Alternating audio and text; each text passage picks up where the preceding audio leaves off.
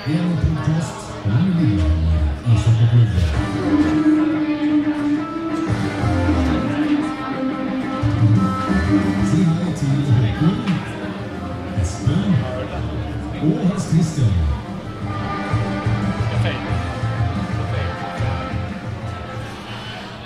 Velkommen alle sammen til den første gangen vi Tribunersleterne har en live-podkast her i teltet før Hockey Classic. Eh, om ja, Det er vel ca. tre timer til kamp.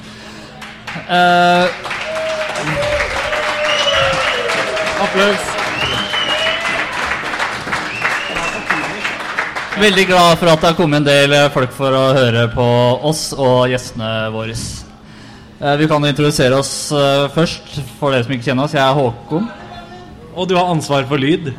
Og Espen til sida for meg, og Hans Christian helt i kroken. Det kan godt hende at det her også blir siste gangen. Hvis ikke, hvis ikke det går noe bra, så blir det også siste gangen det er live på den. Vi får se.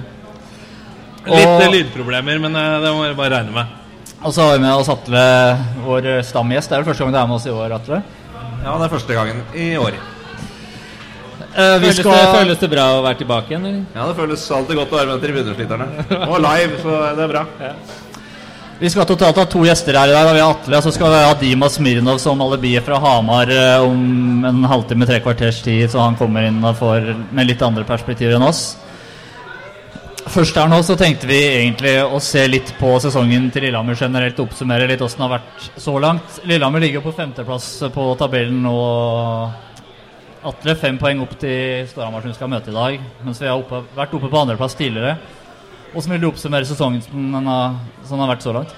Nei, jeg, jeg syns at sesongen har vært, øh, vært brukbar. Uh, vi som jobber med sport, hadde tru på laget vi hadde, og kanskje noen var litt mer eh, skeptiske. Uh, men å ligge på femteplass nå er, uh, er helt ok. Og så er det ting i sesongen med at vi har vært litt for dårlige. Eller mye for dårlige på hjemmebane. Vært jævla bra borte. Men helt ok.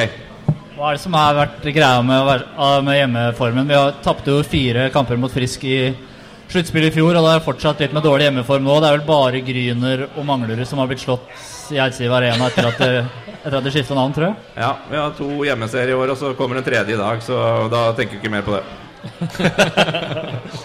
Hva, men hva, hva tror du liksom det, hva ligger i det?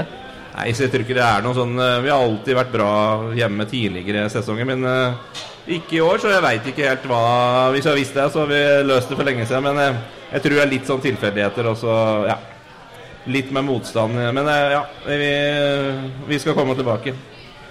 Mens det, som, som vi var inne på, på bortebane har det vært litt motsatt her. Der har vi jo plukka jevnt bra med poeng. Er det noe med spillestilen, tenker du, til laget som kler bedre å spille borte enn enn her på hjemmebane? Nei, jeg tror egentlig ikke det, for vi har ikke noe, vi har ikke noe annen taktikk på bortebane enn vi har hjemme, så Så, så Nei, vi, som sagt så, så snur vi det der. Hvis vi ser litt mer på laget til Lillehammer sånn som det har fremstått eh, så langt i år, eh, er det noe som har overraska deg med, med, ja, med det som har skjedd? Nei, egentlig ikke. Så vi, vi føler at vi har bra kontroll på det, og bra kontroll på de spillene vi henter. Og så er det alltid spennende når de kommer. Og så, og så trener vi bra og utvikler oss og de spillene vi har. For vi legger jo mye av, eh, av trykket på det vi har, og ikke det vi henter inn. på en måte Men vi må utvikle dem vi har som er stammene våre. Det er det viktigste. Og så krydrer vi på med det vi henter av importer. Men, men eh, jeg føler at vi har gjort en eh, jobb over lengre tid. og, og en langsiktig jobb i forhold til trening og utvikling, så, som vi fortsatt eh, er Vi er under utvikling fortsatt. Det var jo en sommer som Ja, en litt sånn med den økonomiske situasjonen som var i sommeren, som eh, la litt demper på både sommeren og endra litt premissene for eh, inngangen på en ny sesong. Eh, Kan du si litt åssen det har vært å jobbe i, i den situasjonen? Ja, det kan- oppsummeres med ett ord slitsomt. Eh, og så hadde vi Ja, det, det har vært slitsomt å ha det hengende over oss. Og så er det ikke noe nytt verken for Lillehammer Iseklubb eller i Hockey-Norge. Så, så det er flere som har prøvd det før. Så vi følte mm, Vi begynte jobben tidligere enn det resultatet kom ut. Og så, og så er, har vi jobba beinhardt og, og fortsetter å jobbe hardt for å få det til. Men det er klart det påvirker, for det, det tar mye energi. Så jeg håper at vi, at vi på en måte kan legge det litt tilbake og så jobbe, se framover og, og, få orden på det vi skal få orden på, og så skal vi ha det mer moro og bruke energien på det framover. Åssen var det egentlig å tre inn i en sånn jobb og møte det der økonomiske problemet med en gang? Jeg var glad for at jeg satt i styret i fire år før, før jeg kom inn i jobben. Det, jeg visste at det var, eh, var eh, beintøft. Og så, og så ble det like overraskende eller i hvert fall det siste, at det ble så, så gærent. Det var jo, det var jo ingen som visste. Vi hadde ikke kontroll, rett og slett, pga. Det, det mye omtalte regnskapssystemet. Så, så, men at det var tøft, ja. Det var, det var sikrere å jobbe i Ringnes, for å si det sånn. Angra du noen gang på at du sa ja? Aldri angra, faktisk. Ikke angra et sekund på at jeg tok den jobben her, så Men eh, så, ja. Nei, jeg har ikke gjort det, faktisk. Uh, hvis vi går videre litt i spillerstallen, da, så er det jo, har vi jo en del spørsmål som vi har lyst til å prate litt uh, rundt her. Vi kan kanskje ta først den nysigneringa som vi har fått her nå. Brendan Harms. Kan Ja. du si litt om prosessen rundt at han, at han ble signert? Nei, vi hadde Vi har snakka med han siden sommer, da, så vi hadde, vi hadde jo en ledig importplass. Uh, han har vært med i planene lenge. Og så kom jo den situasjonen som vi havna i, så, som gjorde at vi da la det på vent. Og så har vi hatt som sagt bra kontakt med han, så, og han hadde en åpning i sin kontrakt at han kunne dra til Europa. Så, så vi vi har hatt dialog, også på grunn, ved hjelp av eh, sponsorer og enkeltpersoner her, så klarte vi å kunne hente den som nå på det, den sida her av, eh, av nyttår, da. Hva slags spilletype er han eh, egentlig? Hva er det han tilfører laget? Nei, han, eh, vi håper at han skal skåre litt mål for oss, og så er det en, vi er opptatt av å få spillere som eh, jobber hardt begge veier, så han skal gjøre det òg. Det er eh, eh, Vi er avhengig av hvordan vi spiller, at eh, alle gjør jobben sin 100% og da gjelder det bakover. Også. han, han skal være en toveisspiller, og så, og så håper vi at han kan eh, putte noen poeng for oss. Det var jo en spiller som uh, Stefan Vigier kjente vel fra før. Jeg hadde den i kikkerten før, eller var det Stefan som uh, stipsa om den helt fra begynnelsen også? Nei, Det er sånn det ofte er. ikke sant? Det er jo tusenvis av spillere. ikke sant? Så At du får noen tips fra spillere som er her, som vi stoler på, så, som gjør at vi kan sjekke ut uh, litt nærmere. Så det er jo Stefan som har uh, Vichier som har tipsa oss, og så tar vi det derfra. Tenker litt på den uh, målvaktssituasjonen. Uh, hvordan hvordan eh, fungerer det med å ha to mål Altså en målvakt som har hatt liksom klar, vært klar førstekeeper såpass lenge, og så kommer det en opp eh, og, og nikker nå i Hanneborg. Har jo vært prestert veldig bra i år. Eh, hvordan eh, er kjemien mellom de to nå? Nei, Kjemien mellom dem to er veldig bra. Så er det klart at uh, når den ene ikke står, så er han uh, kjempeskuffa. Uh, så det er sånn skal det være. Og det er jo Vi må jo håndtere det på et vis, for det er to Vi har jo Gateligaens beste målvaktsduo, vil jeg påstå. Og det er jo en, som jeg sier til dem òg, at for meg så er det som sportssjef så er det jo perfekt. Og så skjønner jeg at det ikke er perfekt for dem hele tida. At en av dem må stå over. Så Men vi de, dem jobber hardt, og vi ja, vi er veldig fornøyd med å ha så to, to gode målvakter. Og Kristoffer Bengsberg har jo vært den klare førstekeeperen i mange år. I forrige sesong så fikk jo Hanneborg kanskje litt flere kamper enn det som var planlagt pga. skadesituasjonen her og sånn. Men hvis man ser på statistikken nå, så har jo, så har jo Hanneborg vesentlig bedre tall når det kommer til redningsprosent eh, enn Kristoffer Bengsberg så langt. Hva, hva tenker du om det? Nei, så det, de, de tallene der er jo Det sier seg sjøl, det. Men, eh, men et, jeg, som, eh, igjen da, så føler jeg at vi med Pekka Alsen, som er vår målvakttrener nå, så klarer han å, å sjonglere imellom. Og så, og så prøver vi å plukke den målvakten som er best, som vi tror er best til den kampen som kommer. Eh, og som sagt så vil jo en en av dem bli veldig skuffa når de ikke står, men samtidig så er de innforstått med at, eh, at de kan dele på oppgava. Og så igjen så er det en perfekt konkurransesituasjon, så vi føler ikke at én er førstekeeper og andre er andrekeeper. Hvordan du vil, du vil du beskrive på en måte, forskjellene mellom de eh, som keepertipper? Ja, nå er ikke jeg uh, keeperekspert, men eh, igjen, da. Nei, eh, altså Haneborg er jo, er jo utvikling fortsatt, så han har jo forhåpentligvis enda mer å gå på. Så, men i forhold til målvaktsstil så er ikke jeg den rette til å spørre om det. Altså. Men i hvert fall i kampen i dag så, så virker det som om det er Kristoffer Bengsberg som, som, kan, som skal stå. Det er jo ikke din beslutning, selvfølgelig, men ja. hva, hva, hva tror du at det på en måte bunner, bunna ut i? Nei, jeg, jeg, så, Som du sier, så er det ikke jeg som bestemmer det. Gudskjelov. Eh, jeg veit ikke om beslutningen er tatt endelig, igjen, så det kommer Pelle seinere i dag og, og snakke noe om. Så, Eh, men grunnlaget som vi er inne på, det er vel den som trener, eh, trenerne tror er best i dag. Ja, for jeg har en følelse av at publikum her sånn nå vil eh, helst ha sett Hanneborg i mål i dag. Det er bare en følelse jeg har. Ja, det er, eh, det er, Men det er de ikke trenerne som bestemmer. Men det er jo andre spillere som vi er litt nysgjerrige på. Vi har jo Jakob Lundell Nord som ja, begynner nærme, nærmer seg noe, et comeback her. Han, det virker ikke som han er med i dag, men det, det er vel kanskje ikke så langt unna.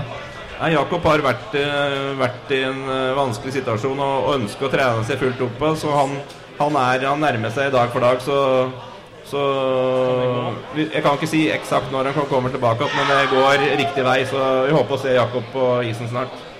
Snart tenker, du, tenker vi før nyttår, eller blir det på nyåret? Ja, vi håper, vi håper på det, men så får vi se, se litt uh, hvordan, hvordan det går. Han må være, være 100% klar. Det er bedre å vente to-tre uker lenger eller, eller ta noen sjanser. Vi skal ha han eh, Vi trenger han på slutten av sesongen mer, så, så vi får se hvordan det går. Men, men som sagt, det nærmer seg.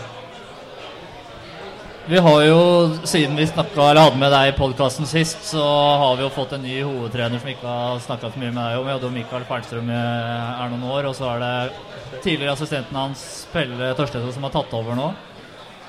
Kan du si litt om måte, hva som har forandra seg, eller ja, lederstilen hans, og åssen- åssen den skiller seg fra Mikael, og hvordan garderoben måtte ha endra seg eventuelt? Nei, det er, det er ganske likt. da. Også når, når Mikael sa til meg i februar at han kom til å dra videre, så, så hadde jeg en klar plan på at det er Pelle som skulle inn ganske tidlig.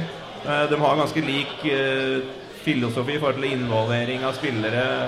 eh, og noe av samme spillestil med, med, med hurtig hockey. Så, så det er ganske likt. Og så er det noen, eh, noen ting som gjør annerledes. Og, og Pelle har vært uh, utrolig, utrolig bra for oss. Og han, eh, han Det er vanskelig å si. De, var ikke så store. Det er noen nyanser, men det er ikke store forskjeller. Og det er, hovedpunktet er også det å være en involverende og moderne trener.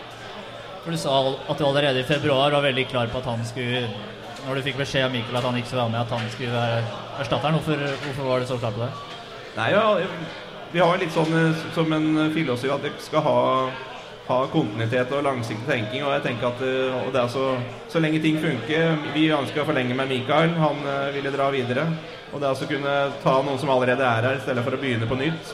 Samtidig som vi mente at han var god nok. Og så visste jo ikke han at jeg ville ha han i februar, så, så det var mine tanker i starten. Og så, så ble jeg bare sikrere og sikrere på at det ble en riktig beslutning. Og det, det er jeg enda sikrere på nå. Hvordan vil du si at han har liksom, det første inntrykket han har gjort som trener? Hvordan vil du, hvordan vil du si at det har? Det er veldig bra. Han har, han har jo bred erfaring, ikke fra seniorhockey, men, eh, men har jobba i Linköping-systemet i mange år. og Det er profesjonalitet og system og orden og rede, for å si det sånn. Så, så det, det har vært, øh, vært sånn som vi har forventa, og veldig bra. Jeg tenker vi kan gå og prate litt mer inn mot kampen som er her nå i, i kveld etter hvert. Eh, Rivaliseringa mot, både Storhamar som klubb og Hamar som by, egentlig. Kan du si litt om eh, for din egen eller ditt forhold til, til Lillehammer og den, den, ja, de følelsene du måtte ha mot Hamar? Ja, altså, jeg, det er jo um, ja, det er, Vær ærlig. Jeg vet Nei, det er, det er jo, Vi gleder oss kjempe til kampen her, og så er det jo så jævla godt å slå Storhamar. Og så er det jævla vondt å tape mot dem. Eh, Men jeg tenker at det er det som gjør at eh, at det er morsomt med idrett. At, eh, at eh, hvis det ikke er eh, vondt å tape, så er det ikke så morsomt å vinne òg. Men eh, jeg hadde en av mine tyngste stunder i i hele mitt liv når vi tapte NM-finalen. Men det, vi snakker ikke mer om det. Men det, er, det var vondt. Tenker vi snakker neste halvtimen om det, egentlig. med det. Alle sine opplevelser. Vi kunne ha gjort det, men det skal være hyggelig i dag. Vi har jo møtt dem to ganger før i år. Det ble tap eh, på Hamar i det var sesongens første kamp i overtime her. Og så tapte vi Eidsiv Arena også. Ja. Hva er det som eh, må til for at vi skal snu det her og vinne i dag? Nei, jeg, jeg har en veldig god følelse i dag at vi, vi, vi taper ikke tre på rad mot dem. Vi, så vi, vi tar dem i, i dag. Og det er klart at de, de to, eller første kampen så var kanskje Storhamar hakket bedre, men jeg syns vi kom bra etter hvert. Og så var det jo en eh, dommertabbe som, eh, som avgjorde den kampen i overtime. Det, det har de jo sjøl innrømma, faktisk, så det kan vi si. Eh, og så ble det litt sånn eh, svingende i hjemmekampen her, så litt, litt for mye opp og ned. Så vi må, vi må jobbe hardt og, og presse bekka deres. Hvilken type kamp er det du forventer i dag? Nei, det blir helt sikkert uh, Helt sikkert uh, veldig jevnt, så, så det blir hardt og tøft og marginer og, som avgjør. Som, som regel så avgjør det hockeykamper. Hvis vi ser liksom på litt sånn overordna på Hockey Classic, kan du si litt åssen du og klubben måte har jobba, og, jobba de siste månedene for å få det, ja, få det til å bli Hockey Classic i år igjen? Ja, det er jo så det er mange som er skeptiske om vi klarer å fylle hallen for tredje år på rad. Og vi mener at vi, at vi få til, skulle få det til, og da ser det ut som vi klarer igjen. Og det er klart det er utrolig mye jobb og logistikk rundt, men, men dette har jo blitt en, en superviktig eh, kamp for oss økonomisk, ikke minst. Så, så, så det er mye jobb, eh, men eh, så har vi masse, masse folk som hjelper oss, frivillige og, og administrasjon som jobber knallhardt. Så, så som sagt mye jobb, men uh, nå er vi her, og det blir en uh, jævlig bra dag. Hva var det siste antallet du så på solgte billetter? Jeg har ikke hørt Jeg har ikke hatt tid til å høre meg i Det får du ikke opp på smartwatchen din. Nei, jeg har ikke, jeg har det ikke der, så Troner, Tronerud tar ansvar for det der. Ok, ja. Men jeg tror at det blir over 8000. Det er mitt, eh, jeg er sikker på det. Ja. 8137. Litt opp i den økonomiske situasjonen som klubben har vært i og fortsatt er. Kan du si litt om betydningen hele det arrangementet her har for klubben? Ja, det er jo, ikke sant, det sier seg sjøl i forhold til billettinntektene som er på en sånn kamp. Så, så det er helt avgjørende faktisk for, eh, for, eh, for oss. Eh, og så kan du si at det er kanskje en, en negativ ting at det er blitt så avhengig av det, men, men det er altså å få inntekter på, for å drive hockeylag. Det er hard jobbing hele tida. Da, må vi- da må vi gå på sånne. Og, og, men det er helt avgjørende for, for eh, årets resultat, det kan jeg si. Så det blir eh, sannsynlig at det blir neste år også, da? Ja, så nå er vi Vi får ikke disp, da, sånn som det er nå, så får vi ikke disp på å bruke de vantene. Så da må vi nye vann. Så, så vi må gjøre en jobb der. Så, men eh, vi ønsker å gjøre det, ja. Så det er siste året med disp for de vanta? Ja. ja. Men Vi sa de ikke det i fjor òg, at vi ikke skulle få disp på den Ja, så sesongen? vi kan hende gå et år til. Ja, vi prøver oss. Hvis vi ser litt framover, hvordan ser du liksom på Hvis vi ser utover den kampen her på, på, resten av sesongen her nå Nå har det jo Hvis vi ser på tabellsituasjonen, så har jo Stavanger stikket litt av, så er det en sånn gjeng med laget der fra nummer to til seks som er veldig Som er veldig tett på hverandre. Eh, Hvordan tror du sesongen kommer til å uttrykke seg? Nei, jeg tror, blir, jeg tror kanskje at Stavanger øh, stikker av og kommer til å være der. Og så blir det et øh, close race på, på de neste plassene, og vi skal være med og kjempe der. Og, og jeg er òg helt sikker på at vi har en eh, oppadgående kurve i, i sesongen. Så vi, vi skal være best i mars og april. For uh, Hvis vi ser på tabellen per nå, så er vi jo på femteplass. Men hvis vi ser, og de fire lagene over oss Vi har jo ennå ikke slått, slått noen av dem. Er det, Nei, ikke før i dag, da. er, er det tilfeldig, eller er det, har vi ikke helt det toppnivået, tror du? Altså, det er litt av grunnen til at vi henta Brennan Harms nå. Vi har, det er litt tynt. Ty og når vi får skader, så, så måtte vi ha brukt Vi må gå ned på mindre folk da, eh, i slutten av kampene, som gjør at vi, at vi blir slitne og kanskje ikke får lov til å ha mulighet til å trene godt nok imellom pga. at eh, belastninga blir for stor. Så når vi har fått inn eh, en, en, enda en spiller og og Martin Gran er også tilbake til i dag. Og så får, har vi Jakob eh, Nord på vent, og så gjør at vi får en mye bredere stall. Som, så vi kan rulle på mye mer med fire rekker, som gjør at vi kan holde sesongen. For hvis du kjører med tre, og én som enkeltlag i Gateligaen gjør, så, så holder ikke det når du kommer til sluttspill. Så vi, vi tenker langsiktig og vil ha inn bredde og konkurranse for å, for å, for å hele tiden heve oss. Og ha mulighet til å kunne trene hardt imellom kampene og ikke bare restituere. Var det alltid helt åpenbart at hvis det skulle komme en til import, så skulle det være en løper, eller vurderte dere noen gang en bekk også? Nei, som det er på løpersida som har vært tynnest besatt. Da, så, men det, det, er jo alltid en vurdering hele tida. Vi vurderer jo all, Det er kontinuerlig prosess på hva vi trenger og ikke, så Men eh, jeg føler, og Pelle føler oss sikre på backsida, og så at vi trengte en løper nå.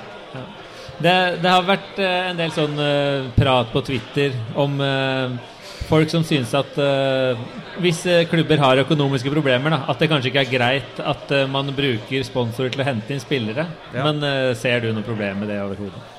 Nei, jeg gjør egentlig ikke det. Altså, det er, det, som sagt, det er beinhard jobb for å, for å få til dette. her, Og, og så er det hele tiden den avhengig av hvor mye penger skal du bruke, eh, og hvor mye mer eh, tilskuere kommer hvis du gjør det bedre. Hvor mye, hvor mye høyere kommer du på tabellen hvis du henter flere spillere. Det er jo en kjempevanskelig øvelse. Eh, og det som kan sies, er jo at eh, når sponsorer er villige til å, å hjelpe oss for å hente, hente de spillene, så syns jeg det er egentlig bare en positiv ting. Og det er penger som vi ikke hadde fått til å dekke ned gjeld. da. Så, så, så dette er eh, Og så hører enkelte og, og at det koster mer eller bare lønn å hente en spiller, og det er, faktisk så er jeg fullstendig klar over at det gjør det. Så eh, det er òg dekket inn. Eh, apropos hjelp, så vi må jo si det at eh, klubben Eller jeg vet ikke om det er klubben som har startet en sånn Vipps-kampanje. Vips LK til topps, heter det. Det er ikke klubben. Det Nei. er personer utafor klubben. Så, og det er òg viktig i forhold til, eh, forhold til den aksjonen. Det er folk utafra som, eh, som, som har et engasjement og vil hjelpe oss, og Mm. det er vi veldig glad for. Men det er en aksjon som ikke er uh, I regi av Ja. Men i hvert fall så har vi eh, Vi har fått hengt opp en sånn her eh, plakat foran her. Sånn at hvis noen har lyst til å støtte med Vips LK til topps, så er det jo ikke lenge siden vi fikk lønn, sånn at det er bare å, bare å gå inn all in her. Ja, det er eh, fortsatt ledig plass på kontoen. Ja. Hvis vi ser litt framover nå, så er det jo, det er jo lenge igjen i sesongen, selvfølgelig. Men vi er jo oppe i den økonomiske situasjonen som vi er, og så er det en del spillere som skal ha nye kontrakter. Hvilke, hvilke føringer ligger der på økonomien? På, er det på en måte at vi må vente litt før vi ser eventuelle nye kontraktsforlengelser, eller? Altså Det blir litt sånn eh, delt. Noe kan vi forlenge, og så må vi vente, vente med andre ting. Men, og den økonomiske handlingsplanen til Norges Idrettsforbund ligger jo klart, så det blir, vil jo være 100% førende for hvordan vi skal gjøre det. Så, så delmål én er jo 2019, å få det overskuddet vi skal ha. Og så er det nytt overskudd i, i 2020, så det vil ligge i bånn. Og så mm, er det å kjempe hardt for å få de penga som vi trenger for å ha et slagkraftig lag. For jeg er helt sikker på at vi Jeg er i hvert fall ikke bygd sånn at vi skal liksom en sjette-sjuendeplass, at det er greit. Det, det får heller komme for en konsekvens av, av forskjellige ting, men vi kan ikke ha det som utgangspunkt. Og da koster det, og så, og så må vi satse for å få det til. Så, men så vil økonomien og handlingsplanen være førende, sjølsagt. Du var jo inne på det med Hockey Classic og viktigheten av det med økonomisk sett. Men eh, hvis vi ser tilbake til i fjor, så var det veldig mange her. Men så når det var den første hjemmekampen i Eidsiv Arena rett etterpå, jeg tror det var mot Stavanger, da var det på en måte 1200-1300 der.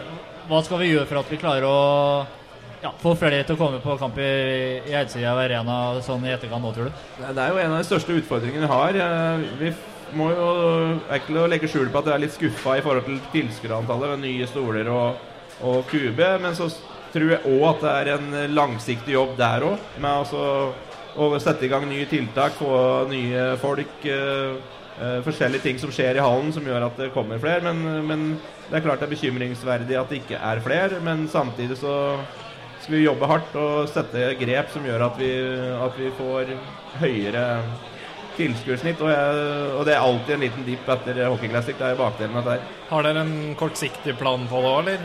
Med å få henta inn flere?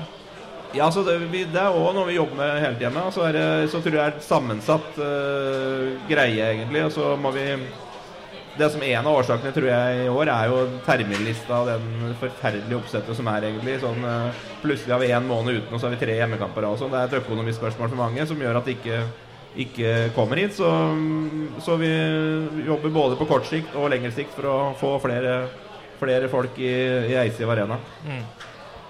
Kanskje den enkleste måten den er vel å begynne med en seier i dag og få litt bedre statistikk eh, på hjemmeis? Vi begynner der, så er det en bra start.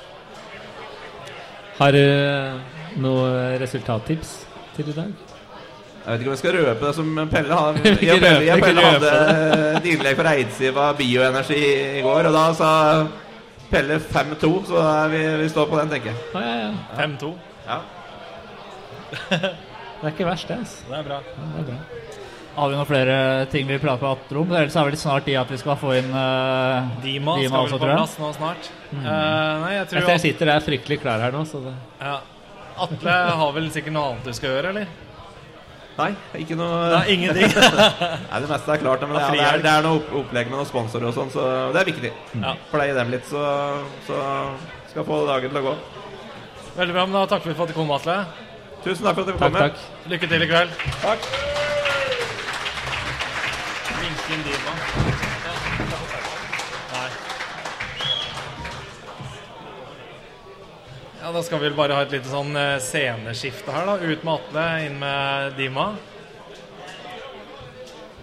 En hyggelig handshake der. Det skal være litt hyggelig mellom Nabo Ja, ja, ja. Det, er viktig. Eh, takk for at du tok deg tid til å komme, Dima. Jo, takk for å bli invitert. Veldig hyggelig. Jeg har vært mye på Lillehammer i år allerede, så alltid trivelig å komme hit. Du har vært med og kommentert en del oppi hallen her òg. Ja, det har blitt et par eh, ganger med Gillian allerede, så Ja. vi får håpe at det blir flere anledninger og muligheter for det.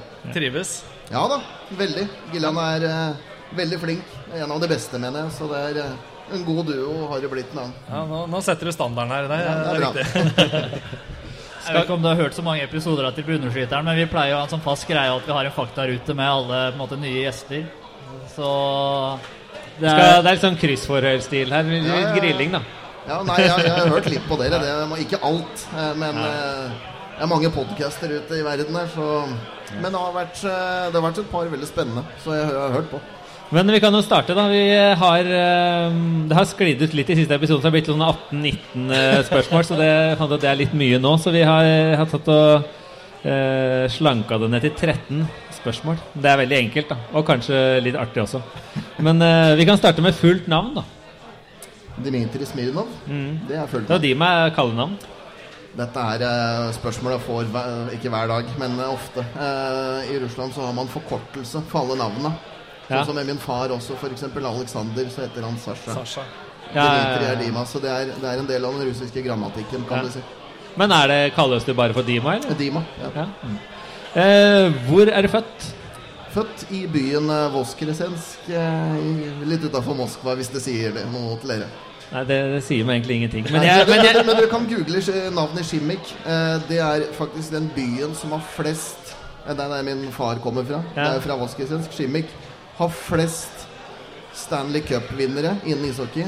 OL-mestere i ishockey og verdensmestere per innbygger i hele verden. så det er, eh, det er rett og slett mekka Det er for hockeyby. hockey. Ja. Det, er så, det er ikke så mange nylig nå, da. Det er litt dårligere, dårligere stelt her nå med økonomi, men de har eh, produsert mange opp igjen. Ja. De er sikkert den byen med flest kommentatorer på TV 2 i Russland ja, også. ja, Ja, ja. Sannsynligvis. Så nok en rekord der.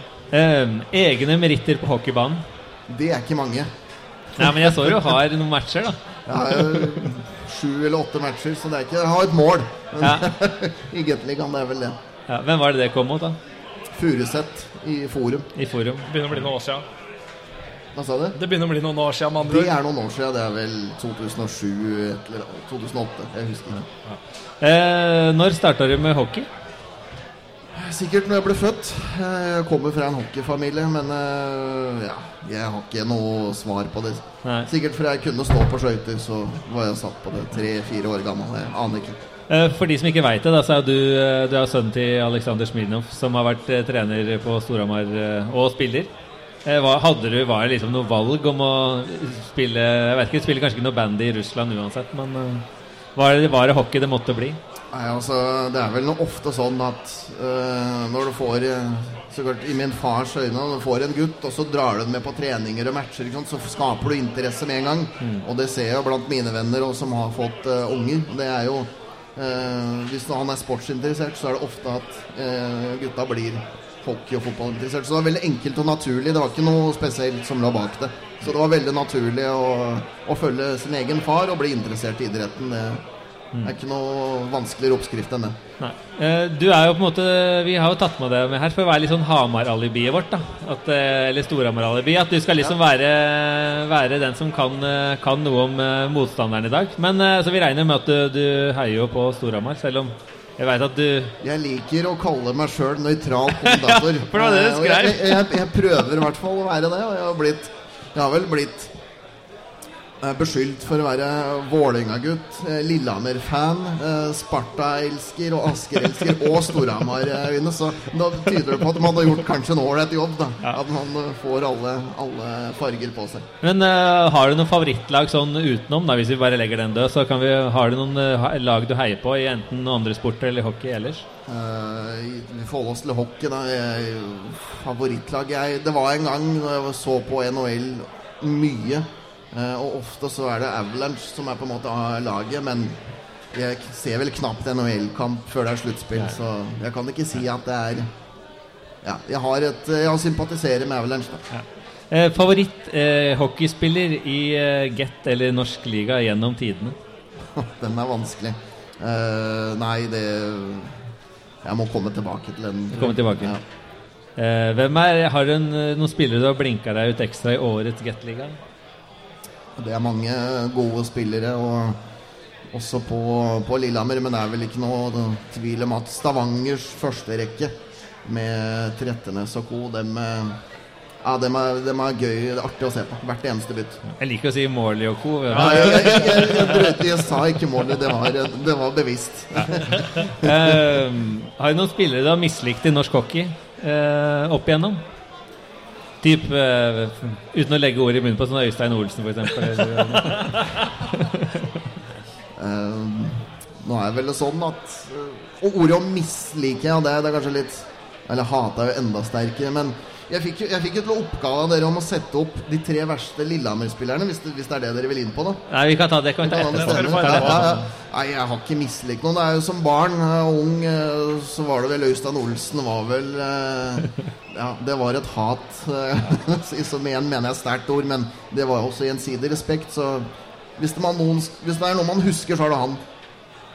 Øystein Olsen. Eh, øl og burger eller vodka og sylteagurk? Øl og burger. Den er enkel. Du er ikke helt der ennå. Nei, nei, nei. En myte, det, vet du. Ja. Eh, hvem var de fineste draktene i Get? Narvik. Narvik? Jeg syns de er kule. Jo, ja. de er, de er, de er eh, litt gjennomtenkt og litt eh, Og så er kanskje, kanskje litt fordi det er litt så nytt, det er så nytt òg. Så jeg syns dem Ja. har det kuleste. Eh, du kan velge en av de her. Christian Saksrud, Simen Saksrud eller Adrian Saksrud Danielsen? Jeg får svare Adrian Saksrud Danielsen. Og så er det siste, da. Hvem vil du helst vært stranda på en øde øye med? Eh, Roy Johansen eller Sune Bergman? Roy Johansen. Roy Johansen. Ja, det, jeg tenker det,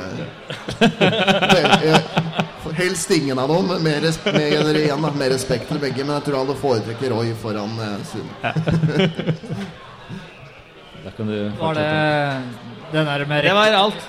Ja, for du hadde ikke det spørsmålet med Jo, skal vi ta det nå? Vi kan kjøre på med den med en ja, gang. kan det. Ja. Eh, hva var det spørsmålet, egentlig? Ja, din drømmefemmer, holdt jeg på å si, eller i hvert fall din eh, femmer du hadde misunt mest av de Lillehammer har hatt opp igjennom? Ja, jeg, jeg satt og tenkte gjennom og så gjennom eh, laga helt tilbake til 2005-2006, hvor jeg liksom husker, da. eh, og så er jeg til kommentator å være helt elendig på sånn historie og huske på at han var god og han var også, Resultater fra 2009 og sånn, det har det ikke i huet. Jeg må alltid inn og se. Eh, Jeg prøvde å sette opp Jeg prøvde å sette opp en femmer. Det var ikke lett. Eh, og så har jo Lillehammer som kjent veldig god historie til å hente gode utlendinger. Så det er jo ikke noe overraskelse at det kommer en del navn som er utenlandske. Men jeg vil starte med eh, keeperen. Og den er litt spesiell, fordi det er veldig, van igjen, da, veldig vanskelig å peke ut noen Lillehammer-keeper, hvem man husker. Og nå husker man jo Bengtsberg, og dere som er friskt i minnet. Veldig god keeper. Også Hanneborg. Men jeg har gått litt for uh, utenom boksen og satt på André Lysenstrøm. Lysenstrøm? Ja, Ja det, det var ikke lenge han var her. Jeg tror ikke det var mer enn en halv sesong. Men jeg har satt han Jeg er glad i store og svære keepere. Jeg tror hvis han hadde hatt eh, helse og kropp med seg, som dessverre han måtte gi seg tidlig pga. skade Han var vel i Stavanger etter Lillehammer. Han var vel innom NTG. Jeg tror han hadde blitt noe noe stort eh, i Norge, og kanskje utafor også, fordi han hadde veldig mye i seg. Så jeg så gjennom lagoppstillingene til Lillehammer, og det var mange forskjellige navn. Og jeg, jeg huska ikke noen av dem spesielt godt, og derfor bare gikk jeg for Lysensund. For jeg har sansen for den type keepere da, som han var. Ja, men det er jo et realt valg, det. Jeg, det er valg, ikke han jeg hadde valgt. Nei, nei jeg, det, var, det var et valg jeg tok i stad før jeg skulle reise opp. Jeg tenkte hvem, jeg, Det er kjedelig å ta Bengsberg, for han er her i dag. Ja. eller eh, Hanneborg, for så vidt. Men jeg tok han. Jeg På trodde Ryan Nye dukka opp, ja.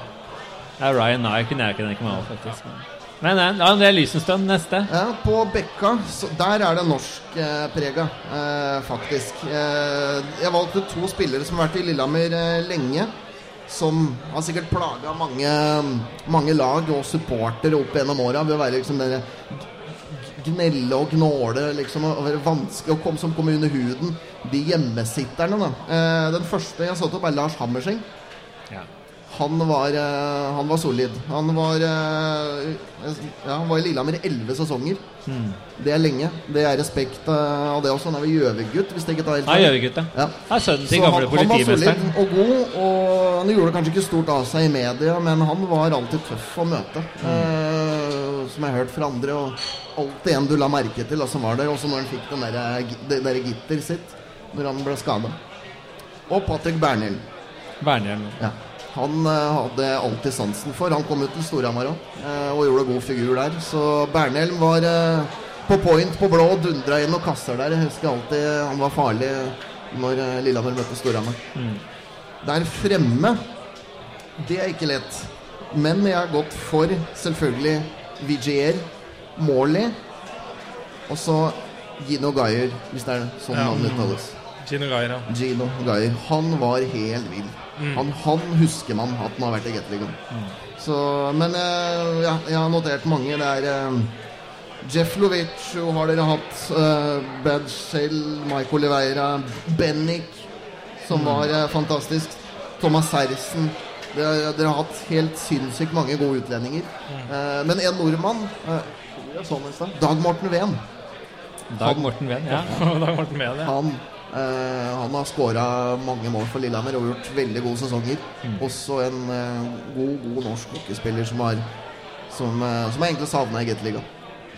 Jeg savner Gino Guyer. Ja, Men, men jeg går for Guyer, Vigier og Morley. Men det er bra. Solid lag. Jeg tenker vi kan Er gå inn her? Han sitter jo der. Favorittspilleren sitter jo her. Jeg hadde Det er notert den før jeg kom inn. Så Ja, det hadde jeg. Du så den ikke, og så var jeg nå må jeg nei, nei. Jeg har ikke noe penn med meg, så dette, dette var skrevet hjemme. ja. Nei, men det er bra. Solid lag.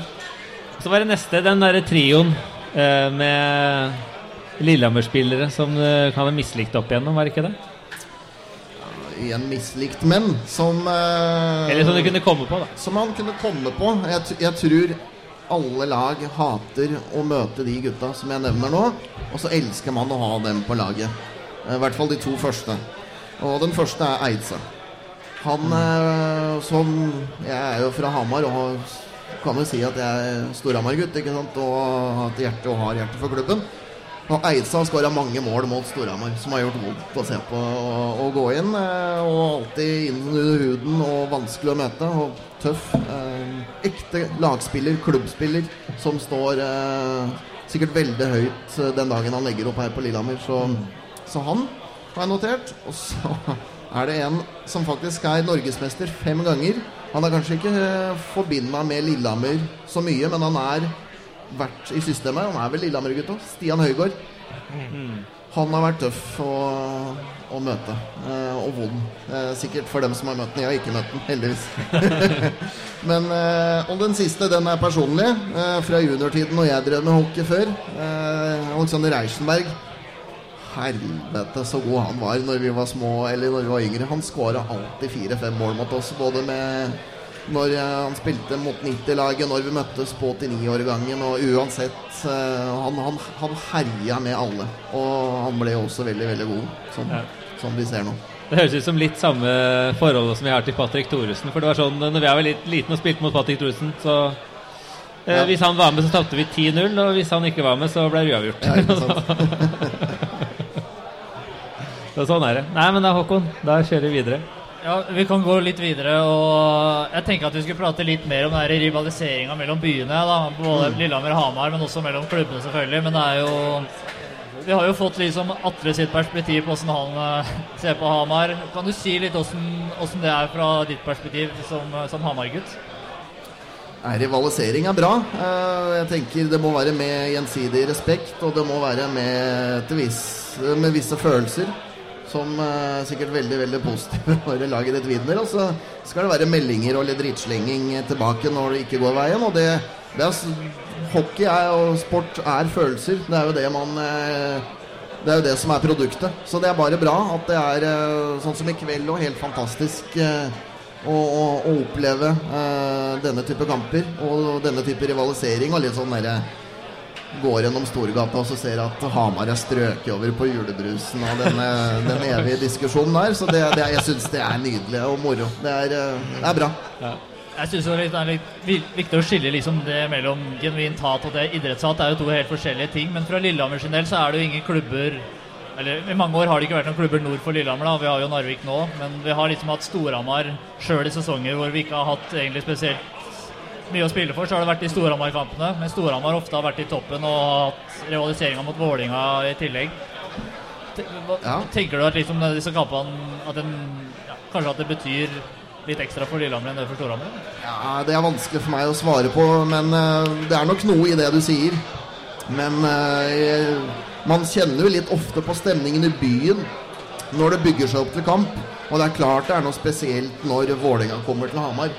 Eh, men det har også blitt veldig veldig bra Lillehammer-entusiasme rundt i Mjøs, Mjøsderbyen òg. Men det er mulig det er litt mer for Lillehammer, ja, fordi pga. den geografiske oppdelingen og at man ikke har hatt en Vålerenga-linken som Storhamar har. Hvis vi ser litt på hockeyens betydning i de forskjellige byene, så må det være lov å si at eh, Lillehammer kanskje har noe å lære fra, fra Hamar der. Dere har jo, Nå er jeg ikke helt sikker på akkurat hvor stort det snittet til Storhamar er i år, men det er jo på et helt annet nivå enn det vi har på Eidsiva Arena her. Og hele den støtten Storhamar har, ikke bare blant publikum, men også blant næringslivet og sånn sett. Ja, Hvorfor, er... tror, er, at, eh, hvorfor tror du at det er sånn? det er vanskelig. Det, er, eh, det kom veldig brått. Altså, det har alltid vært der i bunnen. Og, så, og den hockeyinteressen på Hamar har alltid levd der. Men den kom veldig 2014-2015-sesongen tilbake og samla byen. Eh, Det der, det der er en mekanisme som er umulig å ha fasitsvar på. Men eh, jeg skulle ønske at Lillehammer hadde samme entusiasmen som Hamar eh, har. Fordi eh, dere har fått oppgradert arenaen og har flotte fasiliteter og har et artig og bra hockeylag. Eh, nesten uansett hvordan økonomien er. Så absolutt nå lære av hverandre. Egentlig alle klubber, men jeg ja, burde kanskje prøve, prøve å få i gang eh, Nei, jeg vet ikke. Det er, det er Få i gang noe ja, hva har du Hva tror, hva tror du liksom stor, hva, hva tror du liksom Hva gjorde Storhamar som gjorde at det på en måte snudde der? Tenker du? Eller er det, er det bare at Hamarsinger eh, Nei, men jeg, jeg, tror det jeg tror det er en større hockeykjerne på Hamar enn på Lillehammer i form av hvor mange som har sett på hockey opp gjennom åra. Det, det er nok litt viktig med tanke på snitt, tilskuersnitt eh, og det der. Men eh, prøv, prøve å spre det ut, rett og slett. Det der hashtag hele dalen som dere har innført nå. Og så prøve å skape noe rundt det. eh, for, at folk skal føle at de er en del av noe. Det er vel kanskje det eh, man har klart på Hamar. At alle føler at de er en del av noe. Laget drar ut på, på kjøpesenter, til, eh, til nærbutikker, til skoler, barnehager. Og, drive litt i den, i den retningen der. Det, jeg tror det er en stor betydning at folk skal føle at de er en del av noe. For det er vel kanskje blitt litt sånn at Storhamar har Ja, det er jo ikke bare Hamar sin klubb, men det har jo blitt klubben til hele Ringsaker. Ja, det er helt riktig. ikke sant, At du har hele Hedmark. Og så at Lillehammer da klarer å få med seg Dalen da, eh, og bortover, bortover her. Så det, det er vel der det ligger. Jeg tror det er vanskelig å melke større interesse på Lillehammer, har man jo sett.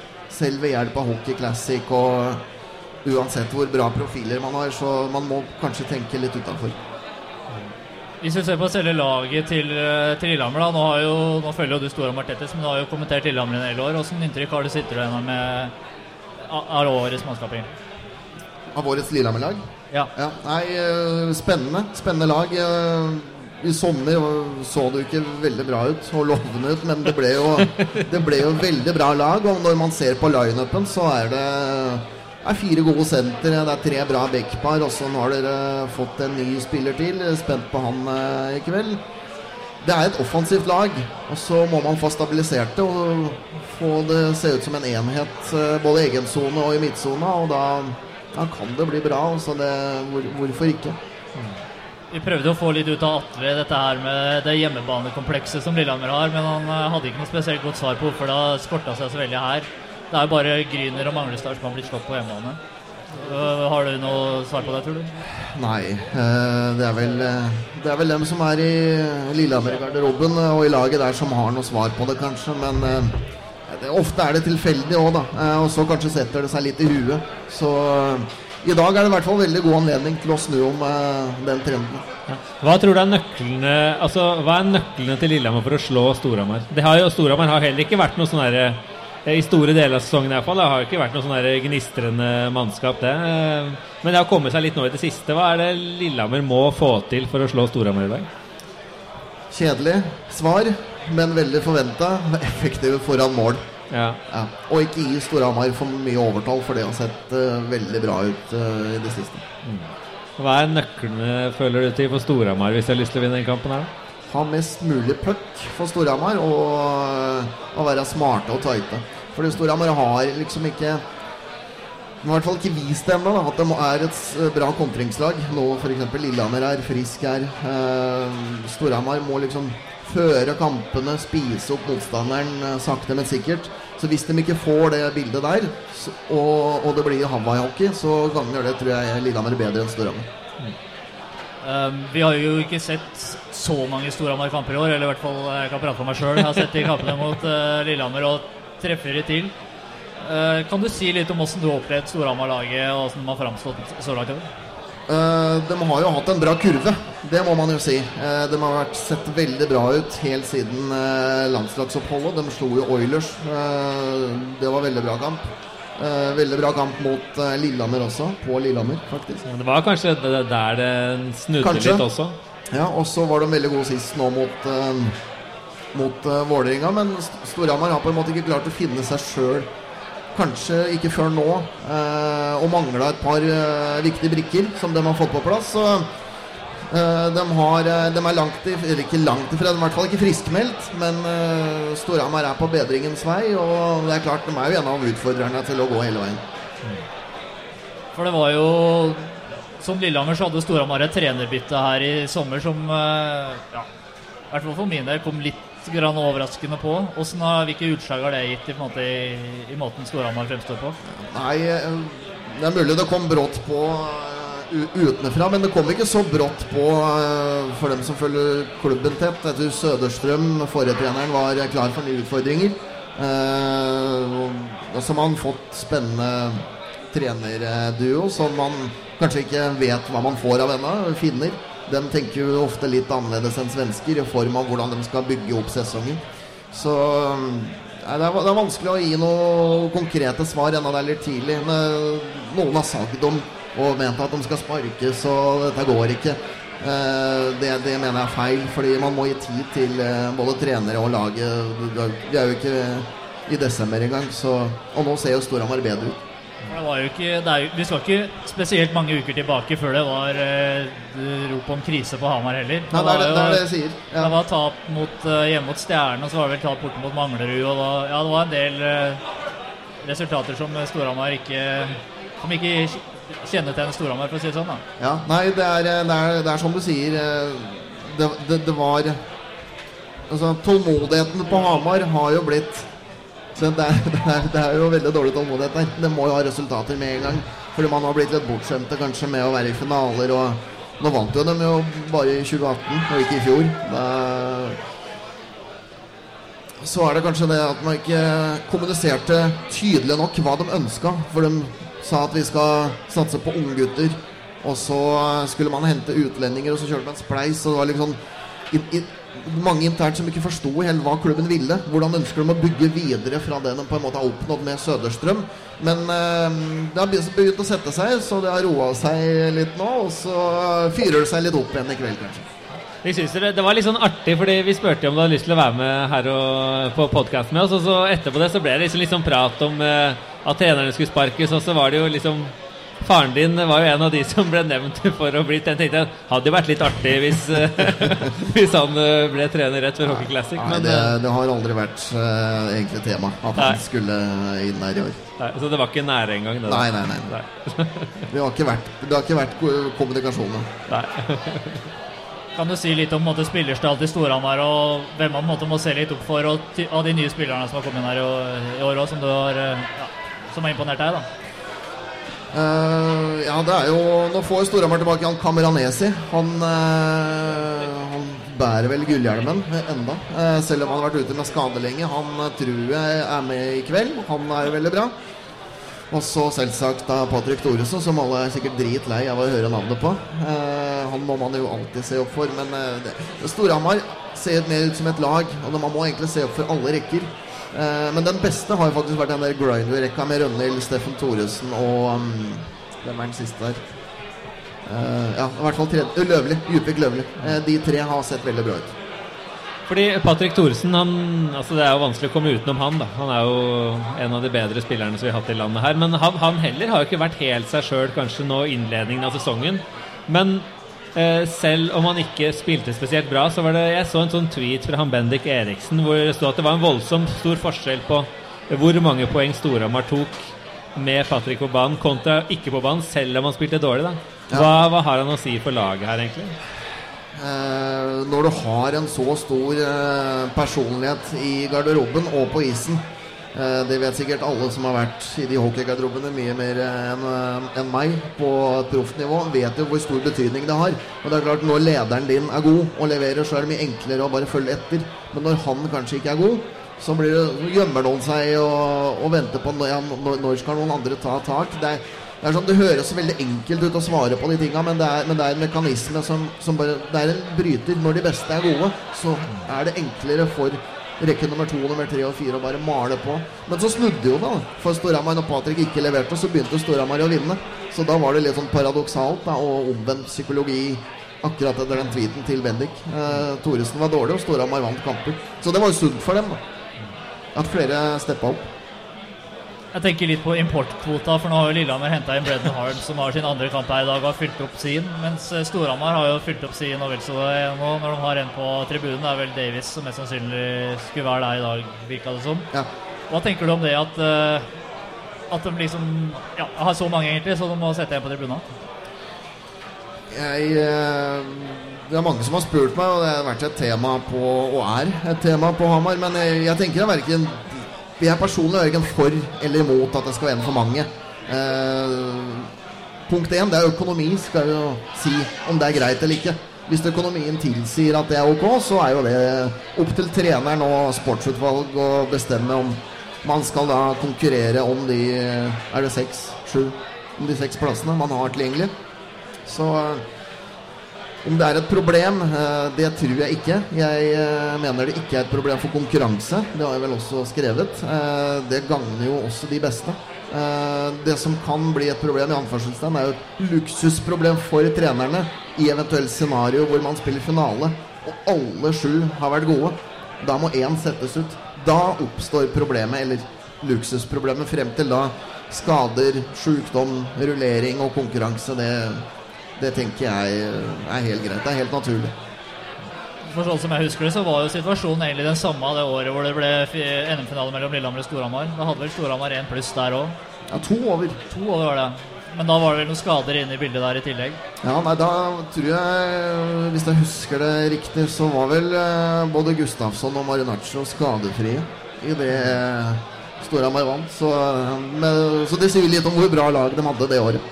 Ja, for det husker jeg jo Marianaccio. Han er jo ja, han er vel kanskje en av de bedre importene som Storhamar eh, har nå, men han satt jo flere av de kampene på tribunen der i finaleserien. Ja.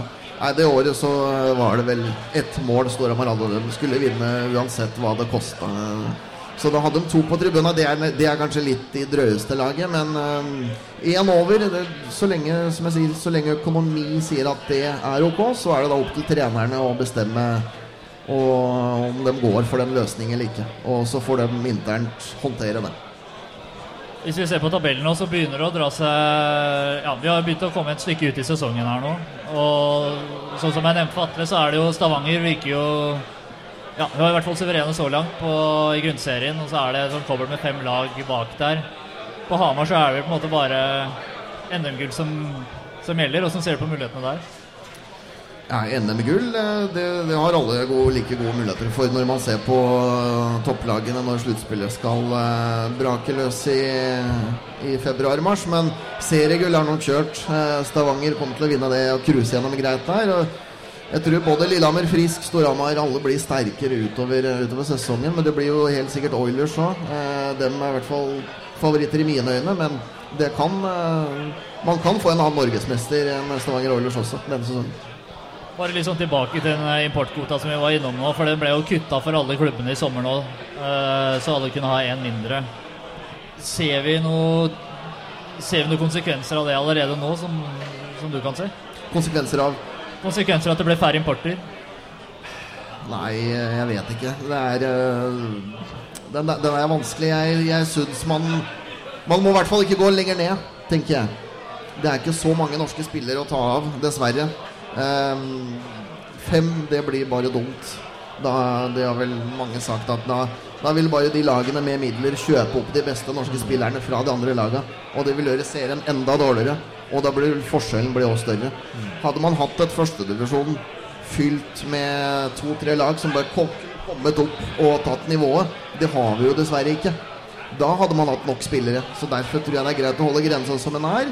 Og så får de klubbene som har råd, sånn som Storhamar eh, i år, ha en på tribuna. Det tenker jeg er eh, det er, det, vel, det er vel en grei løsning. Og så får man heller slippe til unge etter, etter hvert. Det er alltid plass til unge uansett hvor mange utlendinger der, men man må ikke ødelegge eh, og ta fra klubbene muligheten til å hente gode utenfra. Er Helt enig. Helt enig. Ja, det stemmer vi. Lillehammer med NTG har jo alltid vært en, en, en klubb som i hvert fall bør uh, prøve å integrere en del unge spillere i laget sitt, og det har vi på en måte klart på, til en viss grad. Hvordan ser du på det, det arbeidet Storhamar gjør med unggutta sine? Uh, jeg er nok ikke helt rett person til å svare på det, fordi jeg er ikke så inne i klubben som jeg kanskje var før. Og jeg følger ikke Yngres uh, like tett og har ikke så mye informasjon. Men etter det jeg har hørt, og det, det man ser Det er bare å se på tabellene på U21, U19 osv. Storhamar ligger jo ganske høyt oppe og har bra med, bra med talenter nedover i systemet. Så det, det er sikkert en god jobb som gjøres der, uten at jeg eh, kan legge noe mer i det. Og som sagt, jeg kjenner ikke til hvordan de jobber der godt nok til å svare på det. Men Vang er bra, og NTG er bra, og det, må vi ha her til lands for å utvikle spillere. Hvilke spillere vil liksom Det er jo noen gutter på Storhamar som liksom er i vannskorpet å slå gjennom, og spesielt på backsida, som også får spilletid på A-lagerne, og, og også på løpersida, som Simen Edvardsen, som på en måte var forventa å få et gjennombrudd i år. Hvordan vil du på en måte si at de har prestert så langt? Eh, de har prestert bra. Eh, Unggutta har eh, De har på en måte tatt den rollen de har fått. Jeg syns eh, den som har vært mest positiv, er han uh, Elvsveen. Eh, veldig bra teknisk eh, spiller. Også han Mikkelsen, han er bekken. Så eh, jeg også er veldig Så liker jeg den tankegangen at unggutta skal spille i de rekkene helst, da. eh, så mye som mulig. Og bruke de kvalitetene de er gode til. Det var noen som hadde et godt poeng, eh, jeg tror det var Bjørn Erevik, eh, som sa det at det er jo ikke noe vits å, å hente opp en tekniker og sette han i fjærrekka til å grinde. Da får du ikke noe ut av ham. Er, du er ikke derfor du henter han opp, det er ikke det han har vært god på. Så det har på en måte Storhamar vært flinkere til i år enn kanskje foregående år. Da, å bruke dem litt mer rett. Da. Men eh, vi får se hvordan de, hvordan de utvikler seg i løpet av sesongen. Edvardsen er det mye krav til. Høye krav til. og Han har til og med blitt oppe i kapteinstrigaen. Ja, så han øh, burde kanskje ha levert flere målpoeng, men øh, han er jo Han er så god med pucken, så jeg tror det kommer. Vi kan prate litt om de kampene som har vært så langt i år mellom Storhamar eh, og Lillehammer. Det har jo vært to stykker. Det var den første kampen det var jo i Sesamfi. Det var den første kampen i sesongen her hvor Storhamar vant eh, 3-2 i overtime. eh, Som eh, Atle her tidligere mente det var et mål som burde bli annullert eh, der. Ja, det stemmer. Jeg kommenterte den kampen med, med Eirik som vanlig, og det var Det var et eh, mål som aldri skulle vært godkjent, det er vel alle enige om. Men eh, feil skjer. eh, dessverre for Lillehammer den gangen at det gikk i Storhamars eh, favør. Og så kan det hende at man får et mål imot andre veien som er, som er feil. Så sånn, sånt, skjer. Men det var en bra kamp av begge lag. Og så var nok Lillehammer litt for svak i den kampen når de tapte 3-6 i Eidsivar. Da var Storhamar klart best. Hva tror du om kampen som skal spilles her i dag, da? Ja, jeg gleder meg enormt. Jeg håper på tett match og sudden og straffer. Straffer, det håper ikke jeg på. Nei.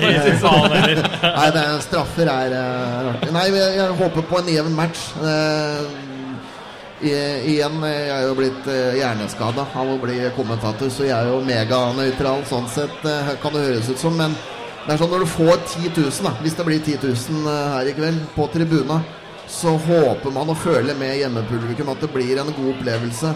Det er sikkert mange som ikke har vært på ishockey før, som har lyst til å komme og synes at dette er gøy. Hvis det er 0-5 da, etter første periode, så blir på en måte stemningen laber. Og det blir ikke det samme. Hvis du får fyr i teltet og, og matchen lever helt inn, så får du også flere hockeyinteresserte. da. Hvis du får en seier, så er det jo så blir det veldig hyggelig for eh, Lillehammer. Men eh, ja, jeg, jeg håper i hvert fall det blir uavgjort etter full tid. Hvem er det som eh, dømmer i dag, egentlig? Er det noen som har fått Spør med meg, seg jeg har ikke peiling. Storhamar-familien som Her, her er dommeren. Nei, jeg har ikke peiling. Sånn som det bruker å være mot Storhamar hver eneste gang. Men uh, Jeg tenker litt tilbake på denne, denne kampen her i Eidsiva Arena da, som endte 3-6. Det ser jo fryktelig sånn stygt ut når du ser eh, resultatet her nå, men det og Totalt sett var jo Storhamar best i den kampen, men slik den starta, så var jo Lillehammer slik jeg husker det, klart best de første ti, og så var det Storhamar Skårte egentlig på den der grisetabba av Bengsberg der, og så falt Lillehammer egentlig litt sammen. Ja, det stemmer. stemmer. Jeg henta vel opp eh, to mål, eh, Lillehammer, var det ikke det? Og så fikk de en rett i, i fleisen eh, etter eh, pause. Ja, det var ikke Bengsberg har vært litt opp og ned. Eh, den matchen kunne han ha spilt bedre, og det vet han helt sikkert sjøl. Lillehammer er avhengig av en god keeper mot det beste laget, selvsagt, for å være med hele tiden. Så det var vel Ja, det var eh, Storhamar var gode da, og effektive den kampen. Hvis du skulle valgt keeper for Lillehammer, hvem ville du satt i mål da? I dag Jeg har sett at dere flere har etterlyst at Hanneborg skal stå, men jeg kan på en måte skjønne eh, trenerens tankegang om å sette Bengsberg, som har den rutinen. Han har jo spilt også en finaleserie og får liksom kanskje ikke så høye skulder som kanskje Hanneborg, uten at jeg kjenner gutten. Eh, mulig han har eh, sterkere syke, men jeg, jeg kan forstå valget om at Bengsberg starter, men ut ifra statistikken og prestasjonen så har Hanneborg vært best. Det, det er jo åpenbart. For jeg synes jo Bengsberg i den tida han har vært i Lillehammer, har han vært en sluttspillskeeper som alltid har prestert bra i sluttspill. og Han var jo en av de få som egentlig presterte bra i den kvartfinaliserien mot Frisk Asker nå i vår. Og men eh, det er jo, hvis du ser på statistikken nå, så er det jo en veldig forskjell her. Det er jo nesten 5% i redningsprosent eh, som, som, som skiller de to. Ja, det er pro Prosenten til Bengsberg må opp. Det, det må ingen lure på. Han, han må han, han vet det sikkert sjøl, og så er, er dette her en match og en anledning til å kunne snu en sånn trend. da Holde nullen i kveld, f.eks. Hva hadde vært bedre enn det for Bengsberg å svare på tiltalen? Det kan jo skje, det. Jeg har spilt bra mot Storhamar før, da. Ja, Bortsett fra siste kampen. Før. ja. Eh, Vi begynner å nærme oss slutten etter hvert. Har vi noen flere spørsmål til de med Jeg har ikke, Vi har vel ikke så veldig mye mer tid igjen heller. Men jeg skulle komme med en, eh, en eh, liten eh, bemerkelse. Det er Supportershoppen den er åpen inne i Håkonshall, så der kan man få kjøpt skjerf og diverse ting hvis man har lyst til det. da, Men den er over i Storehallen her. røde eller eh, oransje skjerf? Jeg tror det er røde. Herlig. Nei, men eh, vi, tror vi setter strek der, kanskje. Hvis ikke dere Eh, Skal vi ha noe Timo på det i dag, eller? Jeg har ikke noe Timo på å dele ut, jeg. Nei. Vi får ha det til gode til neste episode, kanskje. Ja. Vi får ha det. Eh, takk til Dima som kom innom og snakka litt med oss. Jo, igjen takk for å bli invitert. Alltid hyggelig å være her. Da tror jeg vi begynner å runde av. Ja. Tusen takk til alle som kom for å høre på oss. Så kommer det en ny episode om ikke så altfor lenge også, tenker jeg. Og så kommer Pelle her for å, å si opp laget snart også, gjør han ikke det? Gjør han det? Jeg tror det. Det er bra.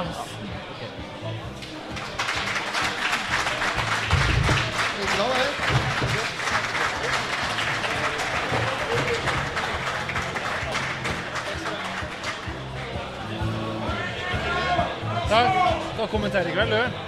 Du kan kommentere i kveld, eller? Ikke? Hvem er Kasper, eller? Skjelbæk, ja.